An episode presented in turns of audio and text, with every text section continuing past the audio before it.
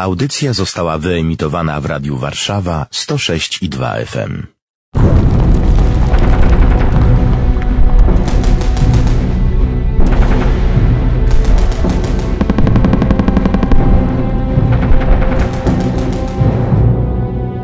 Warszawa pamięta! Nowoczesny, mocny gmach na skraju historycznej zabudowy nowomiejskiej. Polska wytwórnia papierów wartościowych projektu Antoniego Dygata, ojca pisarza Stanisława Dygata.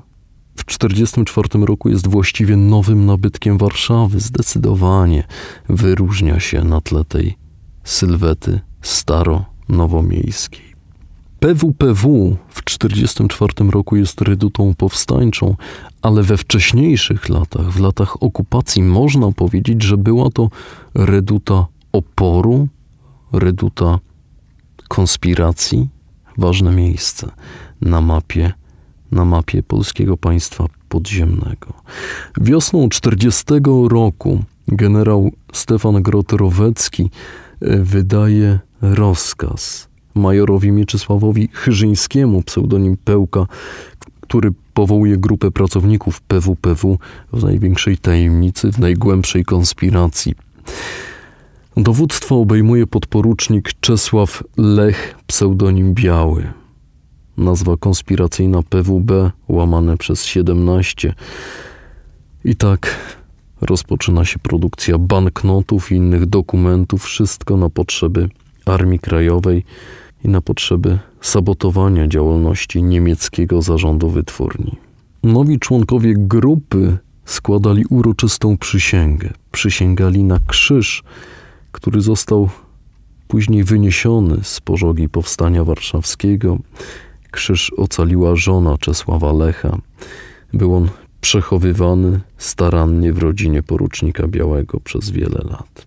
Dzięki działalności konspiracyjnej na terenie PWPW Armii Krajowej udało się pozyskać kilkanaście milionów złotych.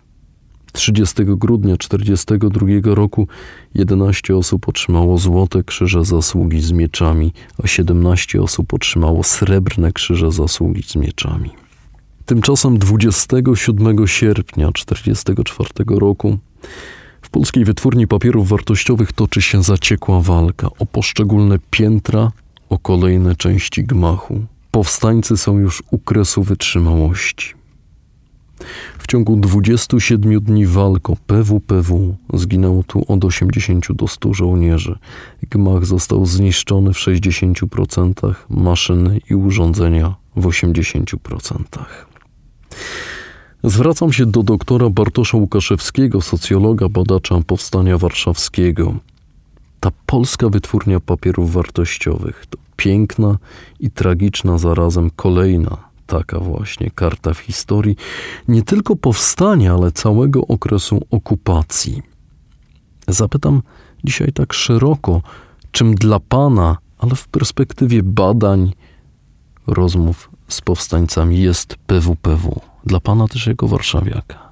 I myślę, że również jeśli chodzi o nie tylko przynależność, nie tylko tożsamość, ale również jeśli chodzi po prostu o szeroko pojętą pamięć zbiorową. Podobnie jak w przypadku reduty Banku Polskiego, to była walka niebywale symboliczna. Synowie ojców polskiej niepodległości walczyli o zachowanie ostatnich skarbów II Rzeczpospolitej. Nic zatem dziwnego, że oba tereny są nie tylko upamiętnione, ale i sukcesywnie upamiętniane.